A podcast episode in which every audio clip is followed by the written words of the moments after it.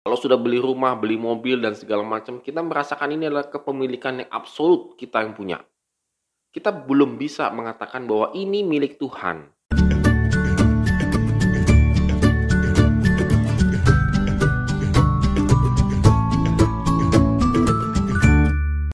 Shalom good readers, hari ini kita kembali merenungkan firman Tuhan untuk memulai segala aktivitas kita. Kembali lagi, kita harus tetap optimis, semangat untuk melakukan segala aktivitas kita. Karena itulah yang menjadi kekuatan dan penghiburan kita. Apalagi kalau kita dahulukan dengan berdoa dan membaca firman Tuhan. Pasti Tuhan berkati apa pun yang kita kerjakan pada hari ini. Dan hari ini kita akan membahas dari satu Tawarikh pasal 21 ayat 1 sampai dengan yang ke-17. Ya ini agak panjang ya, jadi tetap semangat untuk membaca firman Tuhan. Kesombongan dan kebanggaan diri yang berlebihan sering kali menjadi pintu masuk yang efektif bagi si iblis untuk menjatuhkan orang-orang yang percaya. Demikian juga yang dialami oleh Daud. Saat ini dia mengetahui seberapa luas dan hebat kekuasaan yang dimilikinya. Lihat 1 sampai dengan yang 6. Padahal kemarin kita bahas itu kan Joab dan segala macam yang memenangkan pertempuran. Eh, gilirannya si Daud ngitung-ngitung gitu ya. Wah, gue udah punya kekuasaan sekian, sekian, sekian. Enak bener gitu ya kayaknya. Kemudian tindakan Daud dinilai oleh Tuhan sebagai kejahatan. Sebab bangsa Israel itu milik Allah dan bukan milik Daud. Andai pun harus dilakukan sensus penduduk, maka hal itu harus mendapat perintah dari Tuhan. Bagi Tuhan, tindakan Daud dinilai sebagai kejahatan serius di ayat ke-8. Setidaknya ada dua alasan. Yang pertama, Budaya Israel kuno menganut paham bahwa hanya si pemilik yang berhak menghitung seberapa banyak harta benda dan seberapa luas kekuasaan yang dimilikinya. Di sini, Daud sama sekali tidak memiliki apa pun. Semua yang dipunyainya adalah milik Tuhan. Yang kedua, dalam keluaran 10 ayat 30 ayat 12, ditemukan prinsip bahwa sensus penduduk harus disertai dengan uang pendamaian. Berarti, sensus penduduk berkaitan dengan kesucian Allah sebagai konsekuensinya. Daud dan seluruh bangsa Israel harus menerima hukuman Allah, yaitu penyakit sampar yang memakan korban sampai 70 ribu orang. Kita bisa lihat ayat 7 sampai dengan ayat ke-17.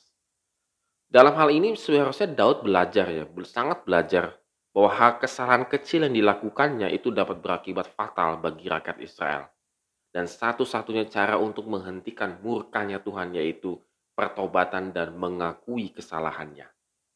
Di sinilah Daud semakin memahami karakternya Tuhan dalam kehidupannya.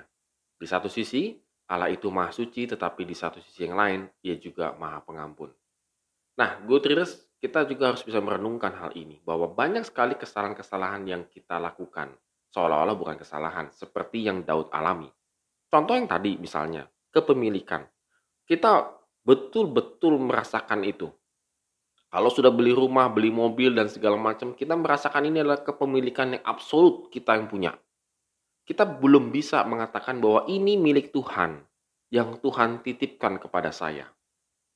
Kayaknya susah ya ngomong seperti itu ya, atau memahami seperti itu. Karena kita sudah berusaha dan keras mencari uang, mencari harta begitu, dan akhirnya bisa membeli segala sesuatunya.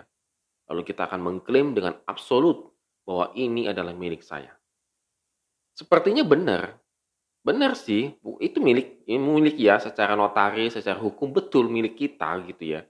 Ada atas nama kita di situ. Tetapi di balik itu kita juga harus mengalami kerendahan hati di depan Tuhan bahwa ini juga milik Tuhan. Dan yang utama ini adalah milik Tuhan.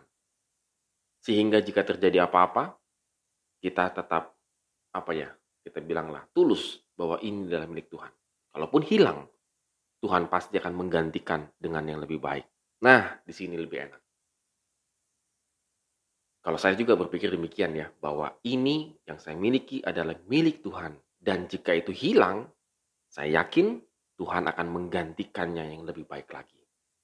Kalau kita punya konsep demikian, kita hidupnya damai sejahtera. Apa yang kita miliki, apa yang kita cari dan lain sebagainya, dengan kehidupan yang damai sejahtera. Hati dan pikirannya damai sejahtera.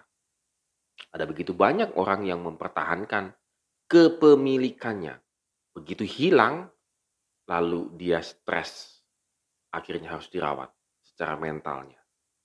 Oleh karena itu, good readers pada hari ini kita belajar bagaimana cara menghentikan murka Tuhan, kemarahan Tuhan kalau kita melakukan kesalahan bertobat, dan jangan mengulangi lagi. Dan apa yang kita miliki itu adalah milik Tuhan, absolut milik Tuhan. Kita dititipkan untuk mengolahnya, lalu kita kalaupun itu hilang dan segala macam, yakinlah Tuhan akan menggantikannya dengan yang lebih baik lagi. Amin. Terima kasih telah menonton video ini. Have a nice day and God bless us.